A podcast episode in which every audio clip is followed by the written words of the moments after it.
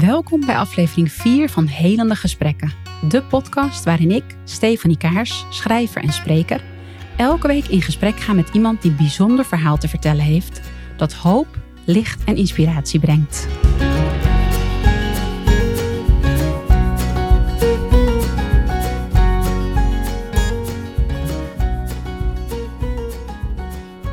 Deze week zit tegenover mij Nienke Sietsma, journalist en auteur van het boek B, een memoir. Wat Nienke heeft geschreven over haar zoontje Berend. Die uh, ziek is geworden en in 2020 op vierjarige leeftijd is overleden. Uh, welkom Nienke, fijn dat je er bent. Nou, dankjewel. Fijn om hier te zijn. Ja, nou dankjewel. Um, wij hebben elkaar een aantal keer eerder ontmoet, uh, want wij hebben een gezamenlijke vriendin. Ja. We kwamen er net achter dat de laatste keer wel echt al behoorlijk wat jaren ja. geleden is. ja. En uh, sindsdien is er uh, heel veel gebeurd, zowel ja. in jouw leven als in mijn leven.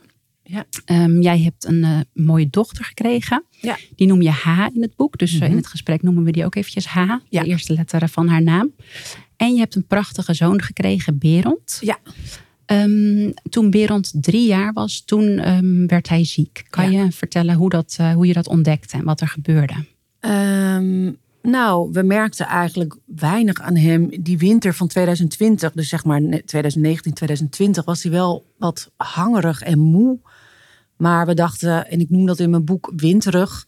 Ja, we dachten het is winter. Uh, weet je wel, kinderen zijn snotterig. Uh, hij had een keer een keelontsteking. Dus dat, dat was allemaal niet zo.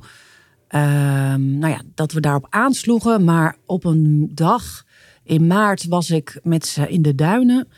En uh, we liepen van de parkeerplaats naar een hele mooie, uh, naar een heel mooi duinmeer. Hm. En daar, daar is ook een heel hoog duin. En, en Berend zei ineens op de terugweg: Ik kan niet meer, mem. Ik ben zo moe. En toen dacht ik wel van: hé, hey, dit is wel gek. Mm -hmm. Want um, ja, driejarig jongetje, heel energiek. Uh, hij ging net meer, niet, niet meer naar bed tussen de middag. Weet je, het was een beetje die overgangsfase. Maar hij was duidelijk ja, klopte er iets niet.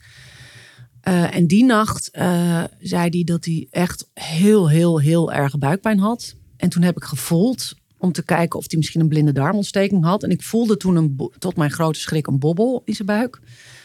En daar ben ik natuurlijk ongelooflijk van geschrokken. Maar hij had geen koorts of hij, ja, hij was, zag er verder ook niet heel ziek uit. Dus ik dacht niet van ik bel nu meteen de ambulance en we moeten gaan. Maar ik dacht wel van we gaan meteen uh, die ochtend naar de huisarts. En ja, die, uh, die zei: Ja, je moet wel echt meteen naar het ziekenhuis gaan. Er is iets, maar ik weet niet wat. Okay. Ja, en dan ga je in die malle molen. En ja, al heel snel bleek dat, uh, dat het ernstig was. En we werden doorverwezen naar het Prinses Maxima Centrum.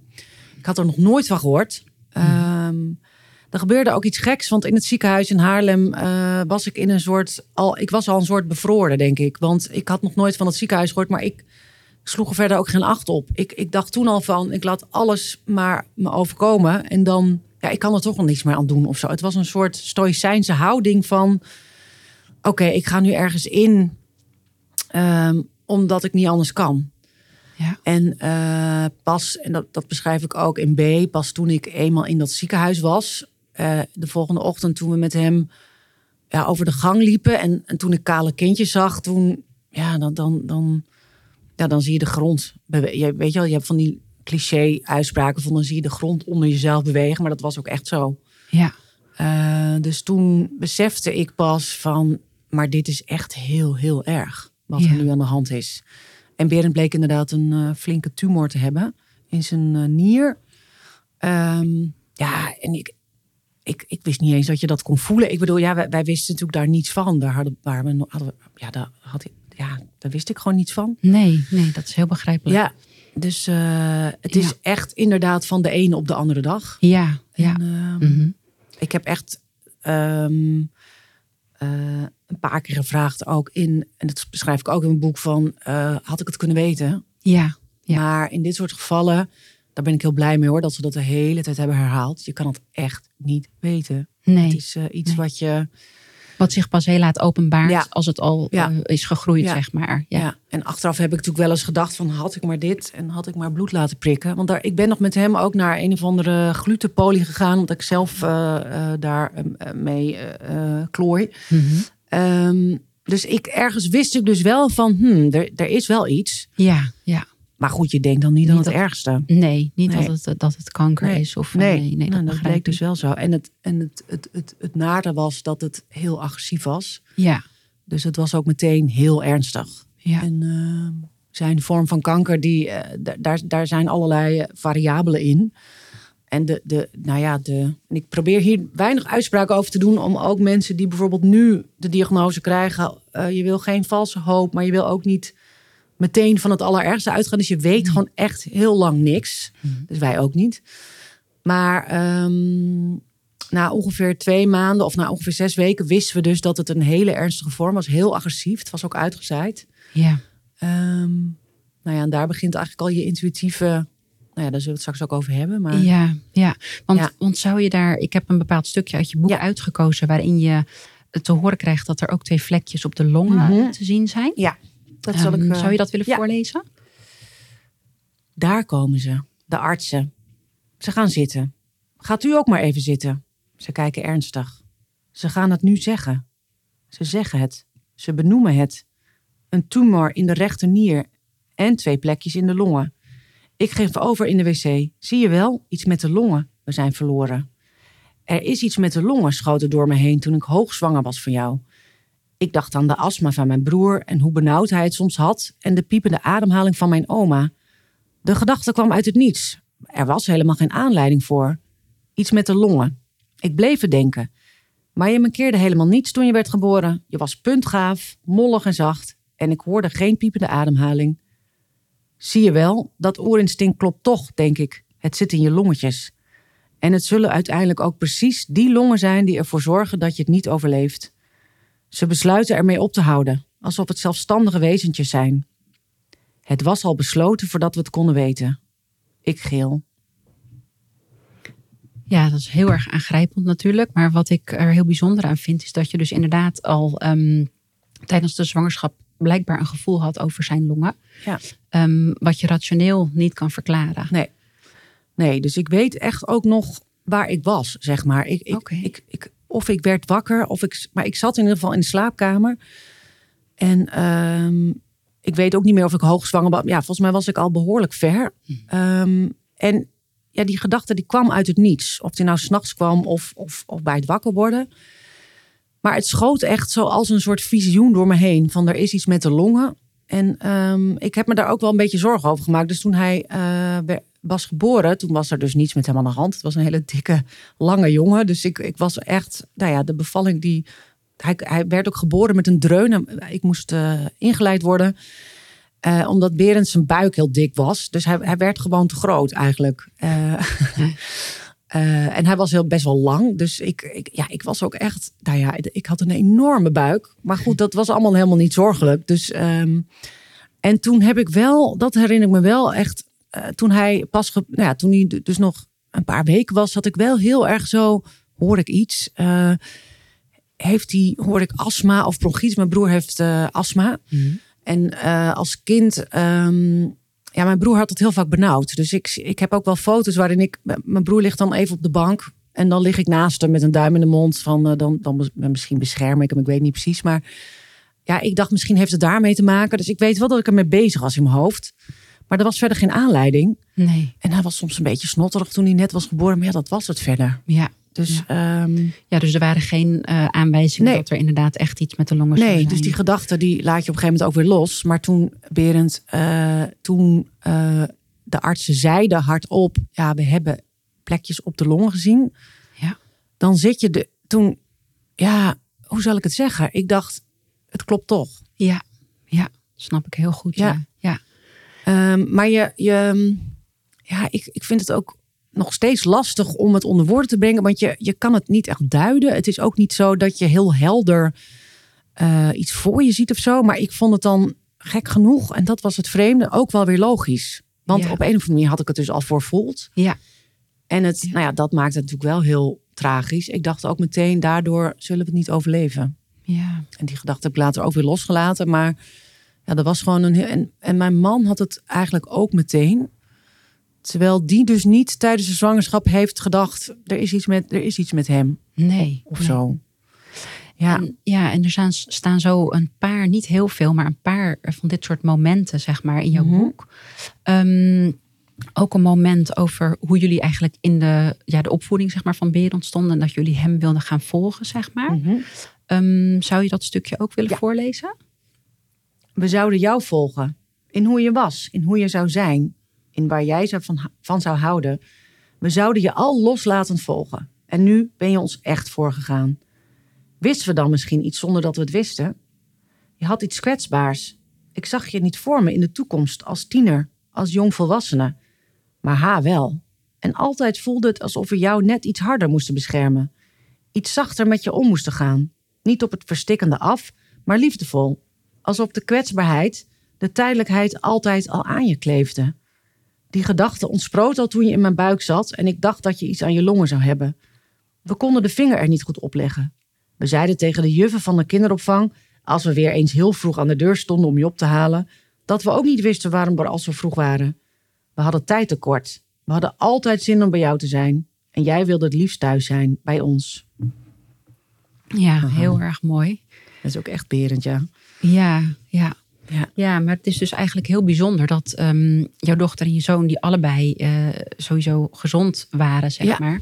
Dat je daar dus toch een, op een of andere Ja. manier. Ik snap dat je het niet op dat moment hebt benoemd voordat Berend ziek werd. Nee, Maar het is dus echt een gevoel, zeg maar. Ja. Een, een onderbuikgevoel. ehm, Ja, en we hadden het allebei. Dat vind ik daar ook bijzonder aan. ja. Ehm, maar inderdaad, dat was heel sterk. En het kan ook komen dat mijn dochter, die is heel erg avontuurlijk. En die, die, die, die, die, die vliegt die wereld echt zo tegemoet. En dus ja, misschien, weet je, het is misschien ook gewoon karakter. Dat hij, ze, ze lijken gewoon in die zin niet op elkaar. Mhm. Maar Berend had iets. Ja, we, nou ja, we konden de vinger er niet, niet op leggen. Iets kwetsbaars. Maar terwijl dat. Er was helemaal geen aanleiding toe. Nee, nee. Hij leek gewoon verder ook een. Ja, het was gewoon. Eh, jongen, ja, zeg maar. zeker. Ja, en eh, op een gegeven moment gingen we op Sicilië, waren we op camperreis. En dan, eh, ja, toen dacht ik het ook wel eens, want Berend iets struikelde altijd. Maar goed, later dacht ik gewoon, ja, hij- misschien moet hij een bril, weet je wel. Hij is gewoon zo, maar, of hij is gewoon onhandig, weet je. Was wel iemand die dan voor over de camper uitviel, weet je, dat soort dingen. Maar er was ook verder nooit iets met hem. Nee, Dus op een gegeven moment was nee. het eigenlijk ook wel, ja, het was eigenlijk ook wel, het had, het had ook wel dat iets lolligs. Ja, het was gewoon eh, een beetje een kluns. Ja. Het was niet Maar- zo dat je je drie jaar lang zorgen om hebt. Nee, op zich niet. Maar het was wel, er was dus wel altijd een gevoel van, als hij dan bijvoorbeeld bij de kinderopvang was, dan dacht ik, nou, ehm, hij, eh, nee, eh, eh, ja, een soort gevoel van toch maar weer terug bij in mijn arm of zo, ja. Ja, ja, Dus ik stond daar inderdaad opvallend vaak vroeg. ja, ja. Ehm, want Ja. je, nou ja, iedereen weet, als je naar de, je kind naar de kinderopvang brengt, ja, je hebt je tijd gewoon nodig. Ehm, en je gaat daar niet bewijs van uur sta je er al. Maar ik voelde dan inderdaad de neiging om dan, ja, om, om, om dan, ja, ik had bij hem dan zo van, ik haalde hem ook altijd eerder op en dan ging, eh, moest er best wel een stukje fietsen om dan naar school te gaan. Mhm. Dus, ehm, ehm, nee, nu zeg ik het, nee, dat klopt niet. Maar goed, het, het was wel zo dat, eh, dat, ja, dat, dat kleefde aan hem. Een soort Ja. tijdelijkheid. Ja, ja. En ik hoor dat dus vaker. Ja, dat je, Ja. het is natuurlijk ook met voorgevoelens heel vaak iets wat je pas achteraf kan verklaren. Want ja, op dat Ja. moment heb je allerlei. eh, het, ja, is- blijft het een beetje vaag, zeg maar. Ja. Omdat er nog niks eh, bewezen is, zeg maar. Maar is- achteraf. ja, en ook, en eh, mijn, een van mijn vriendinnen die zei, ja, dat heb je me wel eens verteld. Dus ik Oh. heb het, dat was ik zelf vergeten. Maar zij zei, dat heeft toen heel veel indruk op mij gemaakt. Dat jij zei, ehm, ik zie Berend niet, blijkbaar heb ik het ooit gezegd. Ook weer zonder aanleiding. Maar dat ik onze dochter dus heel duidelijk voor me zag als puber en hem niet. Ja. Ja, Oh ja, dat is dus Ja. ook weer dat dat is Ja. dat soort momenten zijn voor mij ook heel herkenbaar Ja. inderdaad. Eh, ja, omdat ik zelf ook ehm, eh, mijn dochter is eh, na de bevalling ernstig lichamelijk beperkt geraakt door zuurstoftekort. En nou, dat, dat weet jij uiteraard. Mhm. Maar ehm, ehm, bij mij is het ook zo geweest dat mensen later dingen tegen mij hebben gezegd die ik bijvoorbeeld tijdens mijn zwangerschap van mijn dochter oh ja. heb, heb uitgesproken en dat Ja. ze achteraf dat pas begrepen inderdaad. Ja, maar weet je dan nog, heb je zo'n voorbeeld daarvan? Ja, bijvoorbeeld ehm, iemand zei van... ehm, nou dan en dan is ze er, dan is ze geboren en zo. En dan zei ik bijvoorbeeld van, nou we moeten eerst maar eens afwachten of ze dan nog leeft. Oh ja. Dat soort dingen. En inderdaad iemand die, uh, die mij achteraf vertelde dat ik er met heel veel zwaarte, zeg maar, over de zwangerschap en het vervolg, zeg maar, sprak. Ja. En dat herkende zij alleen maar van haar zus. En haar zus. Um, heeft ook iets heel heftigs meegemaakt op dat gebied. Mm -hmm. En op dat moment dacht ze van ja, wat raar. Want iedereen, andere, andere mensen die zij kende, zeg maar, die spraken er gewoon over van inderdaad baby shower dit. En Ja, allemaal ja. ja, leuke, leuke dingen, zeg maar. En achteraf zei ze van ja, ik herkende die zwaarte van mijn zus, die ook eh, op die manier altijd over zwangerschap heeft gesproken, zeg maar. En die zeg ook maar die intuïtieve zwaarte van Ja. je bent er zelf eigenlijk niet zo bewust van. Nee, maar inderdaad, dat soort dingen. Ja. Ja. ja. dus ik herkende die momenten in jouw boek ook heel erg. Ja, Ehm, en op een gegeven moment, want jouw zoontje Berend krijgt natuurlijk allemaal medicatie en kuren en dergelijke. Ehm, maar als ik het goed heb begrepen, geloven de artsen toch echt dat hij wel ehm, ja, de bocht gaat maken, wordt dat genoemd. Hè? ja. Vanuit een soort dieptepunt toch weer eh Ja. eroverheen komen, zeg maar. Ja, nou, er zijn verschillende momenten in zo'n ziekte. Kijk, zo'n ziekteproces eh, bij ons. Nou, laat ik voorop stellen, bij ons was het dus ehm, stadium 4. Dat betekent dan, dan ehm, we hadden eigenlijk één experimentele behandeling nog. Dus het, het is niet zo dat er heel ehm, dat de kans op genezing groot was, zeg maar. Maar we hadden nu een kuur die dus aansloeg. Ja. Maar omdat je die chemo's die zijn zo heftig en zwaar, Mhm. je kind eh, krijgt complicaties. Ehm, en wij hielden gewoon zelf als vader en moeder heel erg de re- rekening ermee dat het, ja, dat het lichaam het niet zou handelen, zeg maar. Dat het lichaam uiteindelijk te zwak zou zijn. Ehm, maar artsen, ehm, ja, hoe zal ik het zeggen? Ze zijn natuurlijk heel erg bezig met je kind beter maken. Dat, wat fantastisch is, want dat wil je zelf ook. Ja, en tegelijkertijd ehm, had ik, ja, hielden wij er heel sterk rekening mee dat het eh, dat Berend zou, ja, dat hij het niet zou overleven. Ehm, en er is inderdaad een moment geweest dat ik dat, eh, ja, dat het aan mij werd geopenbaard, om het maar zo te zeggen. En toen, ja, dat zijn, ik noem dat zelf een eh, binnen de godsdienstwetenschap, of in ieder geval, de- ja, er is een, een, een ehm, godsdienstwetenschapper, theoloog, die noemt dat een contrastervaring. ja, Eh, dat is een ervaring van een soort innerlijk weten die je volledig om, onderuit schoffelt. Dat kan ook positief zijn trouwens. ja. Bijvoorbeeld als je ineens heel erg verliefd op iemand wordt, zonder, weet je wel, dat- wat je compleet overvalt. Ja, Eh, maar dat kan ook op andere momenten zijn. En in mijn geval was dat een droom. Ehm, in het ziekenhuis. En ja, dat was ook weer zo'n soort moment van een heel sterk innerlijk weten. Ehm, maar het is dus, eh, het is, ligt in de toekomst. ja. Dus je, Dus je weet het natuurlijk ergens ook niet. Het, het is Nee. geen kennis, zeg maar. Het is een, Nee. het is een dieper bewustzijn. Maar je, je weet niet, ja.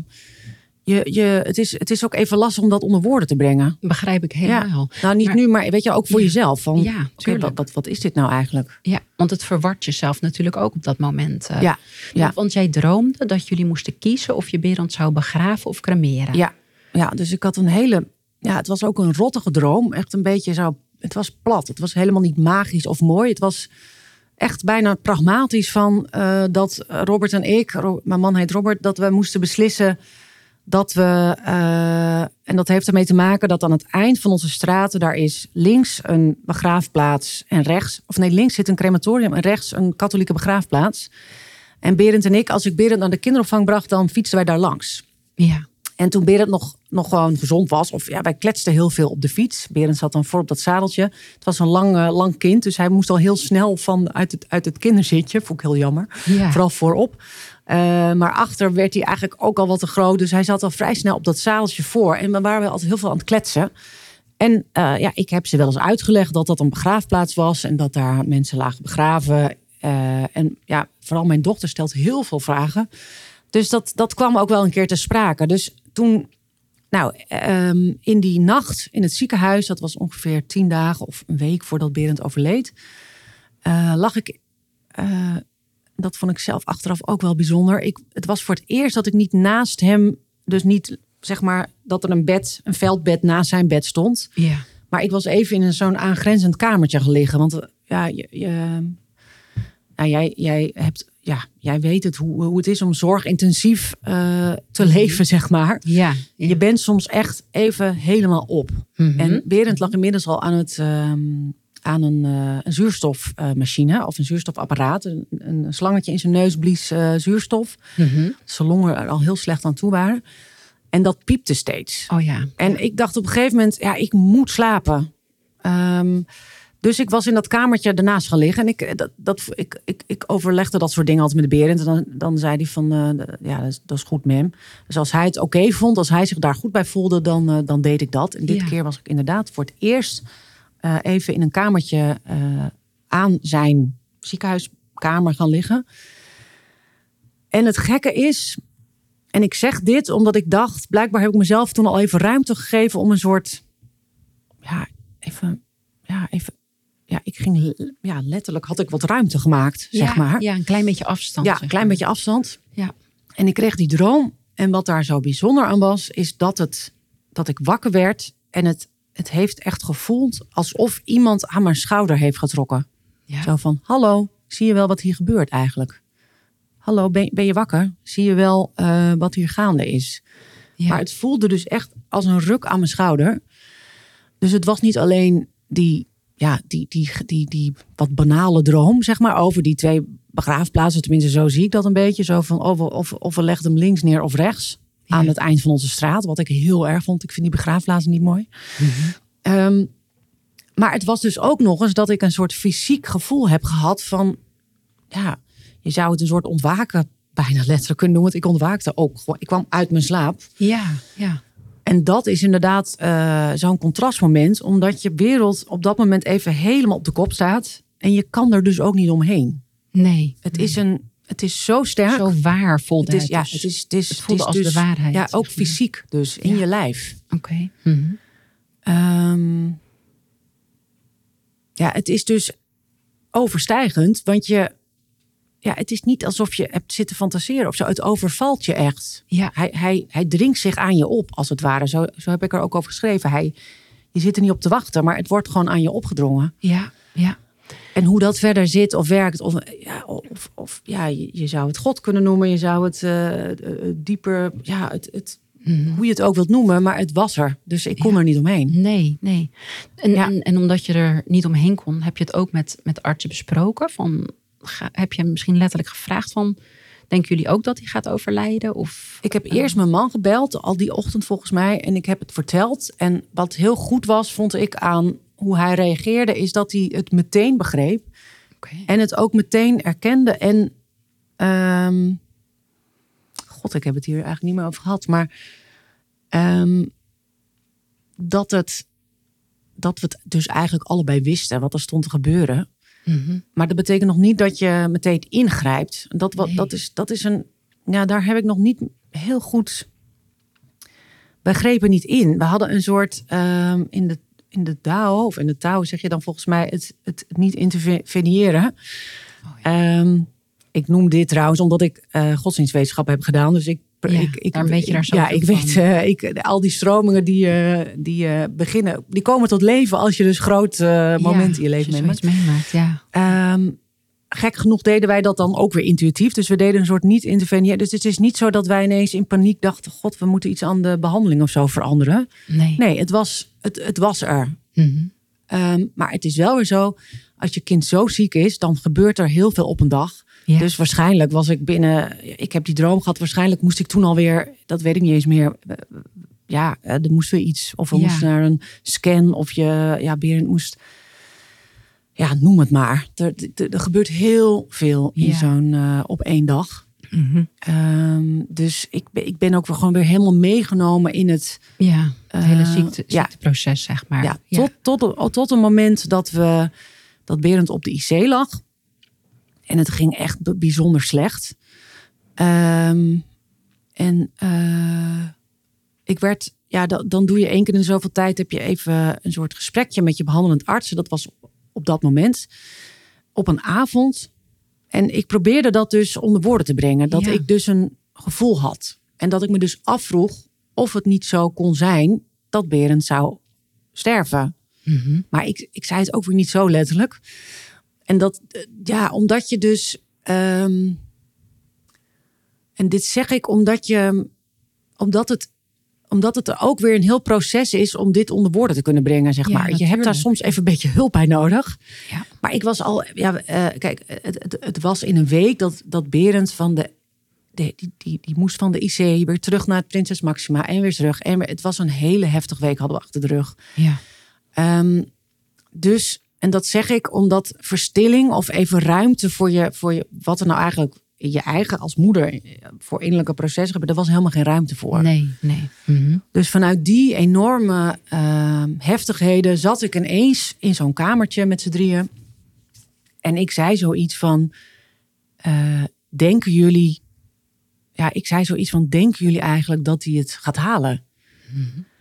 En die artsen, die, die, die, die, die schrokken eigenlijk een beetje. Want die, ja, die waren echt oprecht en echt met de beste bedoelingen oprecht. Van dachten ze, ja, hij komt hier uit. Ja, ja. Mhm. Ehm, ja, ik kan niet zo goed beschrijven dat, wat er toen gebeurde. Want dat was namelijk opnieuw een contrastmoment. Omdat ik dus heel sterk dat innerlijk weten had. Ja. Maar ja, het was weer een beetje hetzelfde als toen ik dacht... hij heeft iets met zijn longen toen Berend werd geboren. Er was helemaal geen... Er was wel een aanleiding, want hij was heel ziek. Mhm. Maar het is net alsof je in verschillende dimensies... of in Ja. verschillende werelden zit te bewegen. Mhm. Want ik zie iets of denk iets of voel iets wat ik niet goed kan. ehm, ja, ik moet echt een beetje op de tast zien. Ja. Maar zij zien of voelen dat niet. Dus hoe kom je dan bij elkaar? Nou, dat Ja. is me op dat moment niet gelukt. Mhm. Nee, ja, en Berend is de volgende ochtend overleden. Ja. Dus, ehm, en ik heb daar wel echt mee geworsteld, omdat ik. ehm, eh, nou, ik, ik, ik, ik, had, ik heb gewoon toen wel gedacht: van had ik maar. ehm, als ik sterker eh, op mijn gevoel had vertrouwd, of als ik eigenlijk st- sterker. ja, hoe zou ik het nou zeggen? Als ik als ik met volle aandacht bij dat gevoel was gebleven, had ik daar denk ik toch die nacht anders gezeten. En ehm, dan had ik eigenlijk echt ruimte geschapen ook voor het sterven. En da- dat vind ik wel lastig. Mhm. Dat, kan, ja, dat, dat is ook het leven. Dat kan niemand ook van tevoren zich. Ja, dat weet je soms. Ja, dit, dit is ook menselijk. Dat, dat wist ik niet. En zij wist het ook Nee. niet. En de verpleegkundige wist het niet. Nee, die hadden ook niet verwacht dat hij toch Nee. achteraf toch nog eigenlijk plotseling. Nee, het was echt. sterven, eh, zeg maar. ja, het was voor iedereen ja. toch echt. En dat, dat, dat geeft ook aan dat we als mensen. We zijn, we zijn ook maar mensen. We, we, we hebben daar geen controle over. Nee. nee. Ehm, Mhm. Maar ja, ik, ik, ik merk wel dat. En, en, en mijn man was er dus ook niet. Dus ik was ook alleen. Ja. En dat had ermee te maken dat we het dus.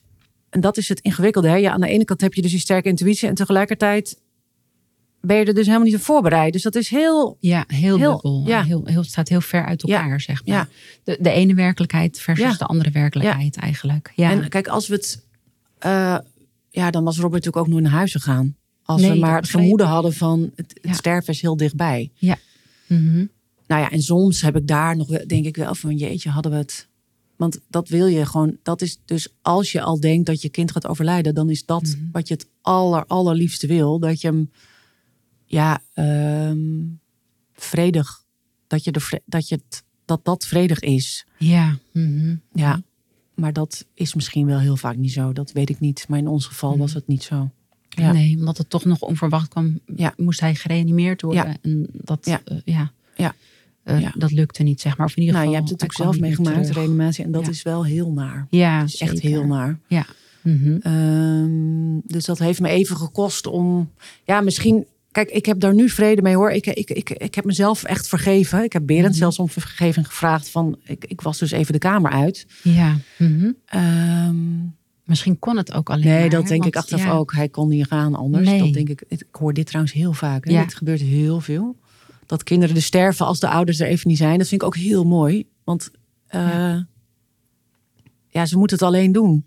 Ja, dat is het moeilijke. En je, natuurlijk wil je er aan de ene kant bij zijn, maar ik denk dat het anders bijna niet mogelijk is om te gaan Nee. een kind. En ehm, hier, eh, daarom schrijf ik ook, Berend is ons voorgegaan. Ik, eh, ja, ik, ik lach er nu ook bij, omdat ik het zo, het is heel dapper. Ja, hij kon niet anders. Nee. Maar eh, Toch is het ook heel dapper. Ja, omdat je echt al echt zelf een mens bent dat dit gaat, ja, dat als je gaat sterven, dan ga jij iets zonder je ouders doen. Ja.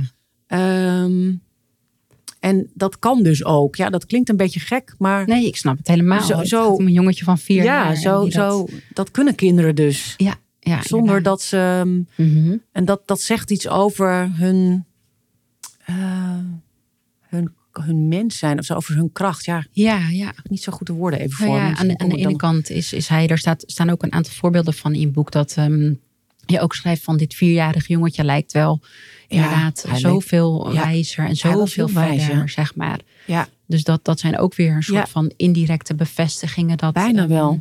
Ja, het, het klinkt heel raar om te zeggen van dat het, het, het zo heeft moeten zijn. Maar het zijn nou, wel soms denk je dat, ja. tekens die een soort van leiden ook. En die misschien toch een, heel klein beetje houden vast op dat hele wankelijke pad, zeg maar. Ja. Nou, ik schreef gisteren aan een docent. Ik heb nu een eh, vak. Ik moet nu een vak eh, eh, volgen. Ik ben dus weer aan het ja, studeren. je bent weer gaan studeren. Ja, ik studeer na nu. eh, Willem's overlijden. Ja. ja. Dus ik heb ehm, school van journalistiek gedaan. Ik, ik ben heel lang journalist geweest, maar ik heb eh, na de school van journalistiek wilde ik me specialiseren, omdat ik, god, ik wil, wilde religiejournalist worden. Ja. Dus ik ben eh, religie en levensbeschouwing gaan doen aan de Vrije Universiteit in Amsterdam. Daar ken ik dus onze gezamenlijke vriendin van, want we studeerden samen, zei ik. Maar ehm, er was toen een, een, een afstudeerrichting dat heet geestelijke verzorging. En wat je doet is, je, bent- je wordt een soort, pardon, een soort moderne dominee noem ik het altijd maar. ja. Dus eh, wat de dominee en de priester en de imam en de, de, de pandit en de rabbi eh, vroeger deden, daar zijn nu ja, eh, geestelijk verzorgers die dat ook doen, maar die ehm, dus geen dominee zijn of imam. Nee. Je bent eigenlijk een soort, je, bent, eh, je, je, je, je weet heel veel van al die religieuze stromingen. Ja. En je kunt men- mensen helpen bij eh, gesprekken over, over, nou, over dit soort dingen eigenlijk. Over, over zingeving, over betekenis vinden. ehm, over spirituele ervaringen. Over, over religie, over levensbeschouwing. Nou goed. ja. Ehm, en ehm, even kijken. En dat ben jij, eh, die, Oh ja, dat heb je daarvoor nooit gedaan. Heb je alleen religie, religie ja en toen had ik dus die, gedaan? precies. Toen heb ik die bachelor wilde ik doen, gewoon puur om, om me te specialiseren als journalist. Nou, dat, dat Ja. is ook gelukt. Ja, En ik vond mezelf toen te jong om die master geestelijke verzorging te doen. En, maar nu ben ik ouder en nou, na alles wat ik heb meegemaakt, ja. ehm, dacht ik, oh, maar nu ga ik het wel doen. Want ik wil heel graag eh, dit straks voor ouders eh, zijn. ja, ja, ja. Dus eigenlijk wat wij nu zitten te doen, proberen woorden te geven aan ervaringen die zo ehm, Levensveranderend zijn. levensveranderend zijn, maar ook soms moeilijk onder woorden te brengen zijn. Ja. Mhm. Het zou zo fijn zijn als we in onze samenleving dus ruimtes hebben waarin het dus wel kan. Waarin je dus veilig voelt en ook niet gek wordt aangekeken als je dus bijvoorbeeld over zo'n voorspellende droom praat. En Ja. dat je, want dit gebeurt dus heel veel trouwens. Ja, Ja, ik heb dus een eh, onderzoek gelezen waarin ouders op de IC heel vaak van dit soort, of een visioen, of Ja. een voorspellende droom, of een bepaalde gedachte die ze iets zegt. ja. Dit gebeurt heel veel, maar we, we bespreken het niet. Nee, ik geloof dat als je zo dicht, Ja. dat heb ik ook een keer in een boek gelezen, inderdaad, als je zo dicht bij eh, de, dood ook bent en bij dat hele existentiële, zeg maar, Ja. dat je dan sowieso je zintuigen zijn dan heel erg op scherp en Ja. je voelt op een of andere manier allemaal dingen aan, inderdaad. We hebben ook dat soort momenten gehad dat. ehm, op een gegeven moment wisten wij gewoon van deze dag gaat Sterre, onze dochter, van de IC af. En Ja. toen hadden wij al onze spullen al ingepakt. En toen kwamen er steeds gedurende de dag verpleegkundigen. En die zeiden van waarom doen jullie dat nou en zo. Maar op een of andere manier voelden wij dat gewoon, zeg maar. En dat was Ja. aan het eind van de dag bleek het ook. Terwijl we daarvoor nog heel gek werden aangekeken, zeg maar. Ja, dat soort dingen, dat- ja. Ja, maar jij hebt dus zelfs besloten om een scriptie te gaan maken over die, ja, wat jij eigenlijk ook noemt, moederlijke intuïtie. Ja.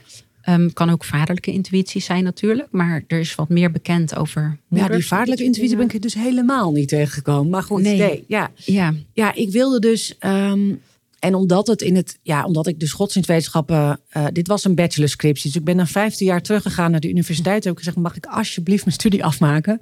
ja. Ik weet niet, zijn mijn, zijn mijn eh, behaalde vakken nog gelden? En toen hebben ze inderdaad eh, besloten dat ik het mocht afmaken. ja. Dus na 15 jaar zat ik eh, eh, daar weer. En toen heb ik dus een, een, een bachelorscriptie geschreven over die moederlijke intuïtie. Eh, alleen dit was wel gericht op geestelijke zorg. Dus ik ging kijken van, is dit überhaupt een thema binnen die geestelijke verzorging? Ja. Dus ehm, die geestelijke verzorgers die werken bijvoorbeeld in een ziekenhuis. Dus, maar ze werken bijvoorbeeld ook in gevangenissen of uh, bij Defensie. Dus stel je voor, er is een missie, dan gaat er een geestelijke verzorger mee. Oké. Maar in ziekenhuizen werken ook geestelijke verzorgers. En ik heb een aantal geestelijke verzorgers daarover geïnterviewd. Maar ik heb eerst gekeken in, ja, ik heb geprobeerd om een literatuuronderzoek te, uh, te doen. En te kijken van, is die moedelijke intuïtie eigenlijk onderzocht? En wat is het dan eigenlijk? Ja. Nou ja, en daar, bleek, daar bleek uit, en ik moet er even wel bij zeggen, het, het, het is een sumier onderzoek. Het is geen promotie of uh, groot wetenschappelijk onderzoek. Maar ik kon er wel zien dat het, het is niet, het, het, het wordt niet veel genoemd. Er wordt heel veel over intuïtie gezegd. Bijvoorbeeld ja. over ondernemerschap, over ondernemersintuïtie of over. Ja.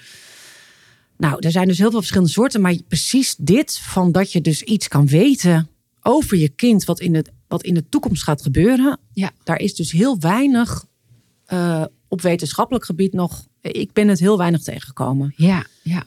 Um, onontgonnen terrein ja, Terwijl het gekke ja. is, iedereen die je erover spreekt, die herkent het. Ja. Dus die geestelijke verzorgers, die er was eentje die zei, nou, ik ken die term helemaal niet. Maar gaandeweg zei hij, oh, maar dit hoort, dit, dit, dit, uh, dat, dat was een man. Die zei, maar dit, dit komt heel veel voor met, bij de ouders die ik begeleid. Ja, ja. Um, en eigenlijk zeiden ze dat allemaal. Um, en wat ik een heel mooi ook vond, is dat één geestelijke verzorger zei, ja, maar uh, kinderen hebben het ook. Die intuïtie bij kinderen, die is ook heel sterk. Ze weten soms dat ze gaan sterven.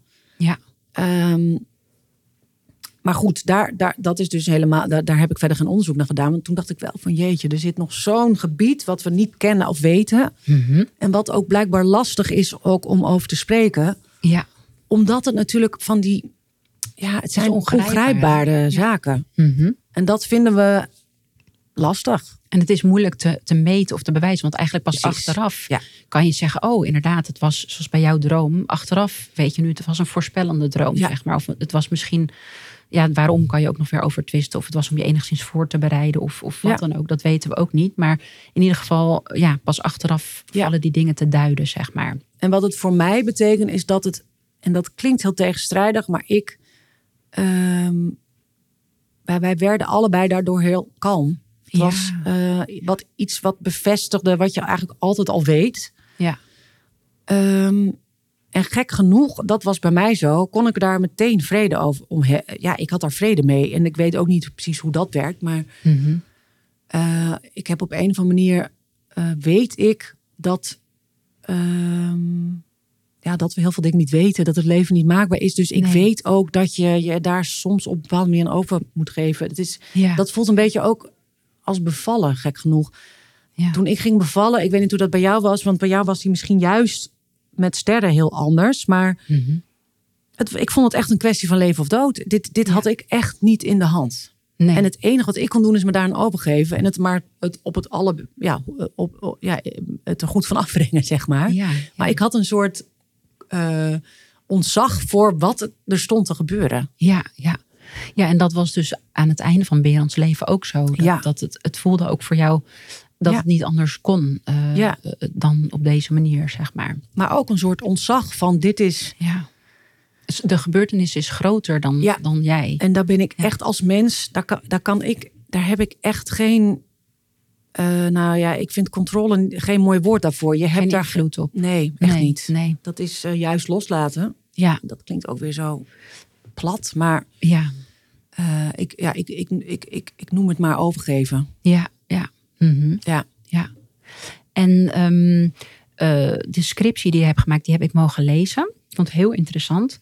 Ehm, ik, er stond ook een zin in. ehm, in het beste geval kan het inzicht van een moeder levensreddend zijn. Ja. Want er komt ook een voorbeeld in voor van eh, dat er eh, door een bepaalde arts wel naar een moeder werd geluisterd. En daardoor kon een kind eh, toch op de IC worden opgenomen. En Ja. werd het leven eigenlijk gered. En je beschrijft ook een voorbeeld van een moeder die eigenlijk naar huis werd gestuurd van nou ja, een over, je bent een beetje overbezorgd. En de volgende ochtend overleed haar kind. Ja. Dus zo groot kan het Ja. zijn. Ja, Ja, nou, maar de, en kijk, en hiervoor geldt weer dan, dat is dan op een moment dat de arts het eh, nog aan het zoeken zijn van wat de oorzaak is van, het, ja, van wat er met het kind aan de hand is. Ja. Dus, en dat zeg ik erbij omdat dus die, die eh, er zijn zoveel fases in een ziekteproces of in een. eh, dus, dus dat verschilt eigenlijk ook weer. Dus in het, op het moment dat eigenlijk nog niemand precies weet wat er gaande is, Ja. ik kan me voorstellen, want daar, daar heb ik dus geen onderzoek naar gedaan, maar dat, dat, dat daarin een moeilijke intuïtie bijvoorbeeld juist veel meer, veel meer van belang is dan Ja. op momenten dat bijvoorbeeld een ziekteproces stabiel is. Ja. En dat, het, dat de moeder dan ook een bepaalde intuïtie heeft. Maar ik heb eh, met één eh, eh, arts, of nee, een onderzoekster gesproken die ook vertelde dat, ehm, ja, dat, een, dat een moeder dan bijvoorbeeld met een kind op de eerste hulp kwam. En dat, het, dat die moeder steeds maar zei: ja, het klopt niet, het klopt niet. En dat eh, uiteindelijk dat, dat, dat, het, dat, dat het leek alsof het kindje, of, of ik weet even niet hoe oud het kind was, maar dat hij een griepje had. Mhm. Maar weet je wel, dat achteraf dan blijkt, nee, die moeder, die, dat klopte. Eh, daar zat iets wat veel ernstiger was. Ja. Maar dat was op dat moment gewoon nog niet duidelijk. Nee. En die moeder, die, die weet dan, het lijkt maar een griepje, maar daar zit iets achter Ja. of onder, wat, je, wat ik niet kan duiden als moeder. Want, maar die arts ook niet. Mhm. Maar ja, laten we dan toch verder zoeken. Ja. Ja. En dit is echt een heel moeilijk gebied hoor. Want ik kan me ook voorstellen dat het soms. eh, ja, ik wou zeggen, over bezorgdheid. Nou, dat, daar durf ik ook geen uitspraken over te doen. Dat, dat, dat komt vast voor. Mhm. Dat, dat ouders wel gewoon echt over bezorgd of heel erg op de controle zitten. Waardoor. Ja. Waardoor artsen- ze juist niet zo intuïtief zijn. Zeg Nee, en dat, dat je gewoon. eh, dat je. Dat, je als, dat lijkt me voor een arts ook ingewikkeld. Want Ja. als jij heel duidelijk kunt aantonen van maar dit is er aan de hand. En iemand blijft maar zeggen ja dat klopt niet. En nou ja goed, nee, ja, dat, weet is ik ook ook niet. heel, allemaal ja. heel ingewikkeld. Ja. Het, het is in die zin een heel ingewikkeld gebied. Maar jij hebt in ieder geval met je scriptie willen aantonen dat het, of ja, het, het onderwerp enigszins op de kaart willen zetten. ja, En je gaat zelf dus eh, ja, spiritueel ehm, of geestelijk verzorger. ja, eh, ik ben dus nu die master aan het doen. Ja. Dus ik ben in september begonnen. Ja, En ehm, ik weet niet zo goed. Kijk, ik ben dus eh, eh, vanaf 2007 journalist. Dus ik weet, ik, ik, ik ben mijn weg daarin aan het vinden. ja, Maar het lijkt mij heel. Het zou zo mooi zijn als. ehm, als er bijvoorbeeld in ziekenhuizen. ehm, een plek is waar je over dit soort dingen kan praten. Zonder Ja. dat er meteen iets misschien moet gebeuren. Maar alleen als, als, als, als er alleen maar ruimte voor zou zijn. ja. Voor, voor, voor, zaken. Gewoon eigenlijk voor spiritualiteit. Je weet niet precies wat en hoe. Mhm. Je weet soms als ouder of als, als, als broer of zus of patiënt ook niet. Want het, geldt natuurlijk ook nog eens voor de patiënten zelf. eh, hoe je erin staat. Maar Ja. het zou zo fijn zijn als je die ruimte krijgt om daar überhaupt eh, over te kunnen praten. Ja. En dat kan een geestelijk verzorger heel goed. Tenminste, Ja. als het een goede geestelijk verzorger is. Ja, dus dat lijkt me een heel mooie, mooie aanvulling, denk ik. ehm, ja. In de, in, binnen de zorg. Mhm. ja. En ik denk zelf ook dat het heel erg nodig is. Maar Mhm. Nou, dat denk ik Ja. ook, absoluut. Ja, want toen ik jouw scriptie las en überhaupt de term geestelijk verzorger was mij nog niet bekend. nee. Ehm, toen dacht ik, ja, dat is echt, eh, dat zou zo waardevol kunnen zijn, inderdaad. Nou ja, en een ander ding is dus. eh, maar daar gebeurt nu heel veel hoor in Nederland over palliatieve zorg. Dus als je inmiddels weet dat je niet meer beter kunt worden. Eh, maar hoe fijn zou het zijn als je gewoon open met iemand kunt praten over het naderend sterven. In plaats van dat het.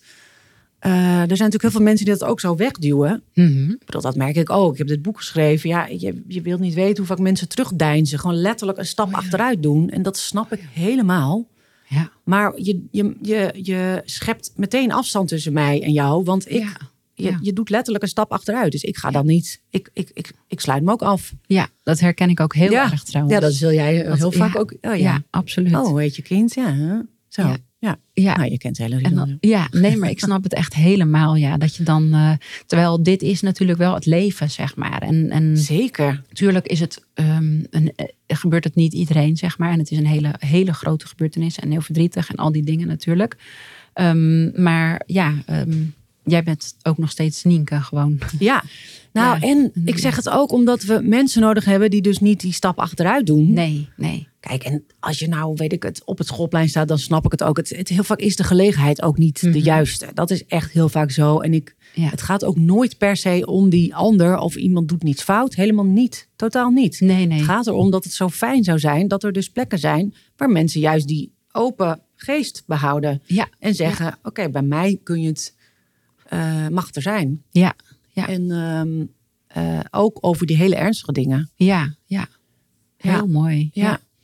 Nou, dus eh, het, is, het is nog niet helemaal duidelijk hoe je dat inderdaad in je werkende leven misschien ooit gaat invullen. Maar je hebt in ieder geval heel veel feeling mee, zeg Ja. maar. En ehm, Ja, en ik, ik, in de toekomst zie ik dan, ik heb, ja, ik, ik, er komt sowieso ooit nog eens een boek, maar, en ik blijf ook altijd wel schrijven als journalist ook, dus ik blijf wel mensen interviewen, maar die comedy, die, die, ja, dat, dat wijs ik mezelf uit, dat is ook weer zoiets, mhm.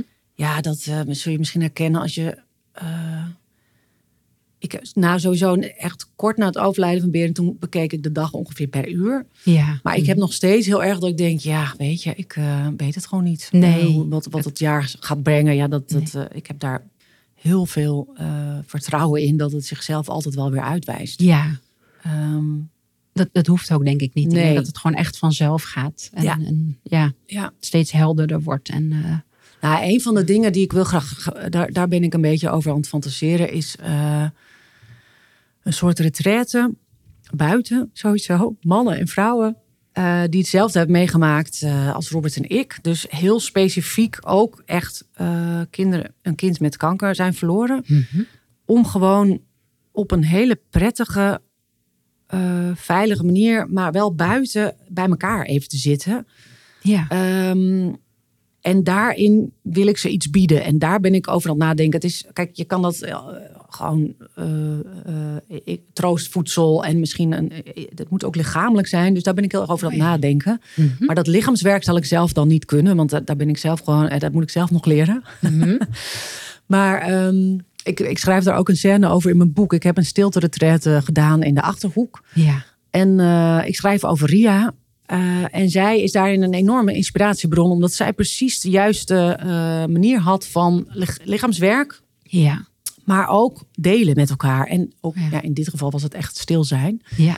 Maar daarin zie ik een soort, eh, dat zie ik wel voor me. Dat Ja. daar eh Een, een soort kan gebeuren. enigszins helende ervaring, Ja. zeg maar. Ehm, Ja, en ook, en dat gaat dan een stap verder, maar daarin zal ik mezelf dan echt nog verder moeten specialiseren. Dat, ehm, en ik denk dat jij dat misschien wel herkent, de echte donkere dingen in ehm, eh, niet alleen het sterf van Berend, maar vooral in het ziekteproces. Daar zit nog heel veel werk in, wat je voor jezelf misschien moet helen, maar waar, denk ik heel veel nog moet gebeuren mhm. Dat weet ik voor mezelf nog niet eens. Maar dat, dat, dat eh, ja, je, ik, ik, kan- ik weet niet of ik een trauma heb, maar je hebt gewoon dingen meegemaakt. Ja. Die zijn zo naar, omdat het over je, ons, over je kind gaat. Het, gaat niet, het, is niet, Mhm. het, het is niet van jou, weet je. Het is, nee, het is, ja. maar het is een deel van jou. Wat Ja. het allemaal heeft moeten Precies. leiden, zeg Ja. maar. Ja, ja. En eh, ik denk wel dat, daar, dat het heel goed is om daar eh, ervaringen met elkaar uit te wisselen. Dat dat er echt mag zijn. ja. En dat is denk ik wel iets wat je met lotgenoten goed zou kunnen doen. Omdat mensen die, nou dat zul je denk ik ook herkennen, die, dit, die niet zoiets hebben meegemaakt, die, ja, da- da- dan, ja, dat, dat, dat helpt, gaat je niet helpen. Nee, dat begrijp ik heel goed. Ja. Ja, nee, dat, dat heb ik al inderdaad al in het heel klein al meegemaakt. Bijvoorbeeld toen ik eigenlijk op een verjaardag een keer toen Sterre nog heel klein was, eh, eigenlijk enthousiast bijna vertelde van nou haar rompbalans is niet goed, dus die moet getraind worden. En toen zag ik al de mensen letterlijk achteruit deinzen Ja. van überhaupt het woord rompbalans is Ja. niet goed. Terwijl Nee, dat echt een heel klein, Ja, precies. Heel klein ding is van haar handicap. ja exact. Ehm, en, en dan dit is natuurlijk nog weer veel, eh, ja, Nou, het is heel anders in ieder geval. Ja, in ieder geval, ja, er zijn, eh, Ja. ja. je hebt heel veel daarin meegemaakt. ja. Nou, ik vind het echt ja, heel mooi ehm, dat je zoveel ja, ehm, eh, mooie dingen, nou ja, in ieder geval erover nadenkt om die te gaan realiseren. En ik Ja. eh, heb er alle vertrouwen in dat dat eh, vanzelf zich steeds verder uitkristalliseert. zeker. Ja, Ja, eerst, ehm, ja, eerst het boek natuurlijk. Dus dat was al, nou ja, Ja. dat, dat ja, ik krijg dagelijks reacties en dat is al heel, heel fijn. dat begrijp ik. Ja. En ik, ik snap ook helemaal, wat ik ook meerdere keer heb gelezen, is dat het schrijven je ook eigenlijk levend heeft gehouden, zeg maar. Nou, dat, zeker. Dat begrijp ik ook Ja. volkomen. Ja, Dat Ja, en, en mijn man zei het eigenlijk wel mooi. Hij zei, ehm, eh, kijk, je hebt natuurlijk allemaal je kopingsmechanismes. En jouw manier, jouw, jouw manier is schrijven. Ja. Jij moet schrijven. om het überhaupt enigszins te bevatten, zeg Ja. maar. Wat, wat er Ja. allemaal gebeurt en Ja. is gebeurd. Ja, dat begrijp ik helemaal. Nou, en dat heb je op een prachtige manier gedaan. Ah, dankjewel. Ik wou trouwens nog één ding zeggen over je scriptie. Want inderdaad, er stond in dat je voorbeelden van vaderlijke intuïtie waren echt een stuk moeilijker te Ja. vinden, zeg maar. Ja. Ehm, toevallig heb ik in onze omgeving, eh, weet ik wel, twee eh, voorbeelden die echt heel mooi zijn ook. Ah, ehm, mijn man heeft ehm, jaren geleden, is de broer van een vriend van hem overleden. En die jongen was toen 29. mhm. Hij kreeg eh, onverwacht s s'nachts een aneurysma en daar is hij Mhm. meteen aan gestorven.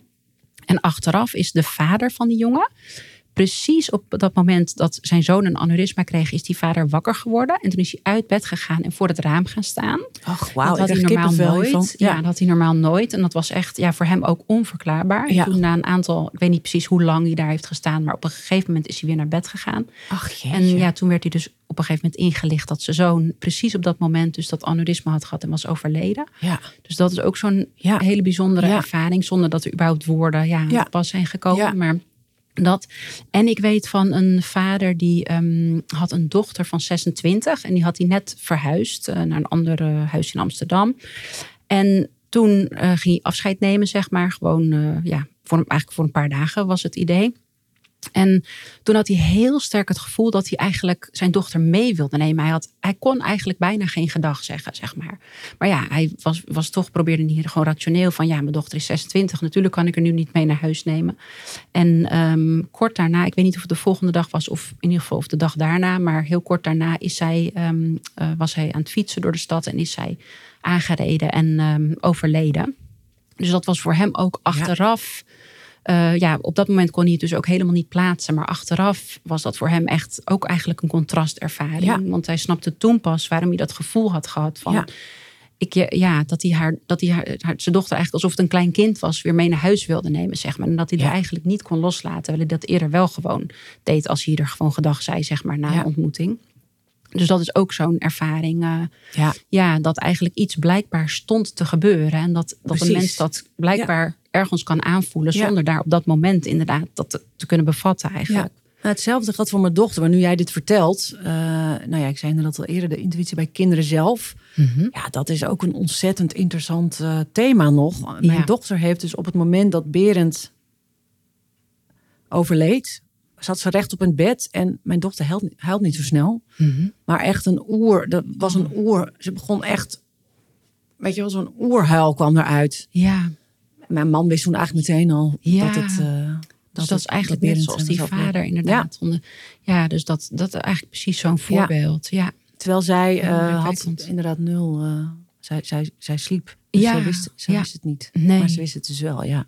heel Ja. indrukwekkend. Ja. Nou, dat is echt iets waar we ja, eigenlijk nog uren over zouden kunnen, Nou, zeker. kunnen praten. Maar Nou ja, Ja. ik, ik zelf vind het dus ook echt ontzettend veel schoonheid hebben. Omdat, Mhm. we, omdat het mij alleen maar weer zegt van we weten zoveel niet over het le- het leven. is Nee. zo, zoveel eh, rijker dan we ja, kunnen weten. absoluut. En het, absoluut. ja, het geeft mij juist heel veel vertrouwen. Dus, Ja, ja. Maar dat komt omdat ik het dus eh, als iets positiefs zie. Als iets Ja. vredigs. Als iets wat ons omvat. En niet als iets wat me... de vijand is. Zeg Nee, als iets Nee. wat me kwaad wil doen. Helemaal niet. Mhm.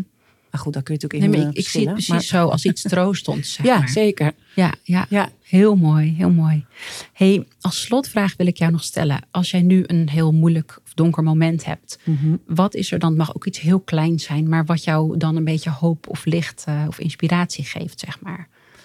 Nou, het eerste wat in me opkomt is eigenlijk Berend zelf. Oh. Berend, die, ehm, eh, ja, die, die, die had nou echt, dat bedoel ik een beetje met die wijsheid, die, dat was een soort zen, zenmeester. Die kon dus echt op de donkerste moment, op de allernaaste dagen in het ziekenhuis, dan had hij toch weer iets waar hij dan ontzettend veel pret om had of vrolijk eh, bij was. Ja, Ehm, dus dat geeft mij altijd ook weer moed om, eh, en zo noem ik dat in mijn boek, de gordijnen weer open te doen. ja, ja, ja. Ehm, Ja, dus, eh, dus dat, nou ja, dat eigenlijk. Dat, Ja. hij, dat er altijd, hoe zwaar het leven ook is, er zijn altijd weer momenten die het, ja, die je, waardoor je de gordijnen weer open doet. Dat, dat blijft. Mhm. Hoe zwaar en donker het ook is. Ja. mooi. Nou, Ja. dat vind ik echt eh, heel mooi gezegd. Ja. Dank je. Hey, ontzettend bedankt eh, dat je wilde komen. Heel Ik graag gedaan. graag eh, mijn helende kaarten geven, Oh, alsjeblieft. Mooi. Ehm, voor de luisteraar, meer informatie over Nienke of eventueel over mij kun je vinden in de show notes of op mijn website stefaniekaars.nl. Daar zal ik ook jouw eh, gegevens delen. Ehm, dit was aflevering 4 van Helende Gesprekken. Volgende week donderdag ben ik weer met een nieuwe aflevering. Die staat dan vanaf 7 uur 's ochtends online. Dankjewel voor het luisteren of kijken, want via Spotify en YouTube kun je ook kijken. Volg deze podcast als je niets wilt missen en laat alsjeblieft een review achter, zodat andere mensen de podcast beter kunnen vinden. Een helende groet en tot volgende week.